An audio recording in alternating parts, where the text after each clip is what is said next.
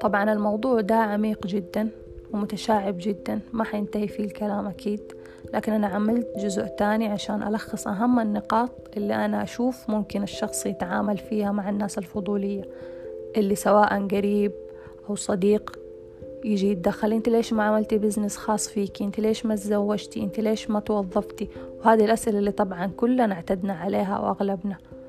فأنا ما بطلب من الشخص ده معونة ما بطلب من الشخص ده مساعدة. ليش يجي يتطفل على حياتي ويسألني أسئلة شخصية زي كده؟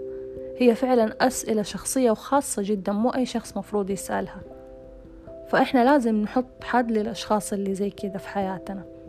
وما نسمح لأي أحد يجي يتطرق لموضوع أو مواضيع حساسة زي كده.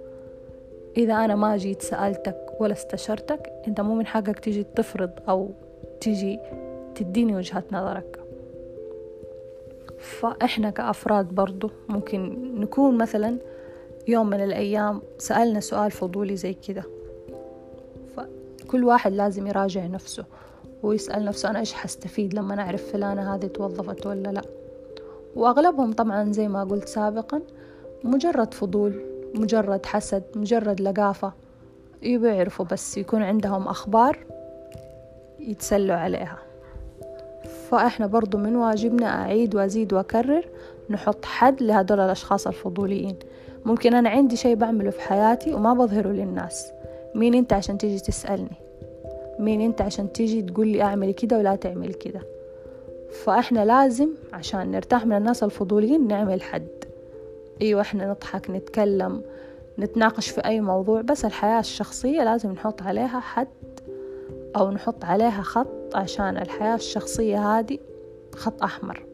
مو لازم أي أحد مثلا يجي يحط مثلا يجي يبدي رأيه أو يجي يتفلسف علينا أنت ليش ما عملتي كده أنت ليش ما عملتي كده من باب النصح ومن باب إنه أنا خلاص ختمت كل شيء وصلت لكل اللي أبغاه في حياتي فخلاص أجي أتفلسف على الناس. ما حد فينا يعرف ظروف أحد. فعشان كده أتمنى إنه إحنا نكون أقوى من كده ونحاول نشتغل على نفسنا عشان حتى لو في نقص أو حتى في فراغ إحنا نعوض بشغلنا على نفسنا. وسلامتكم.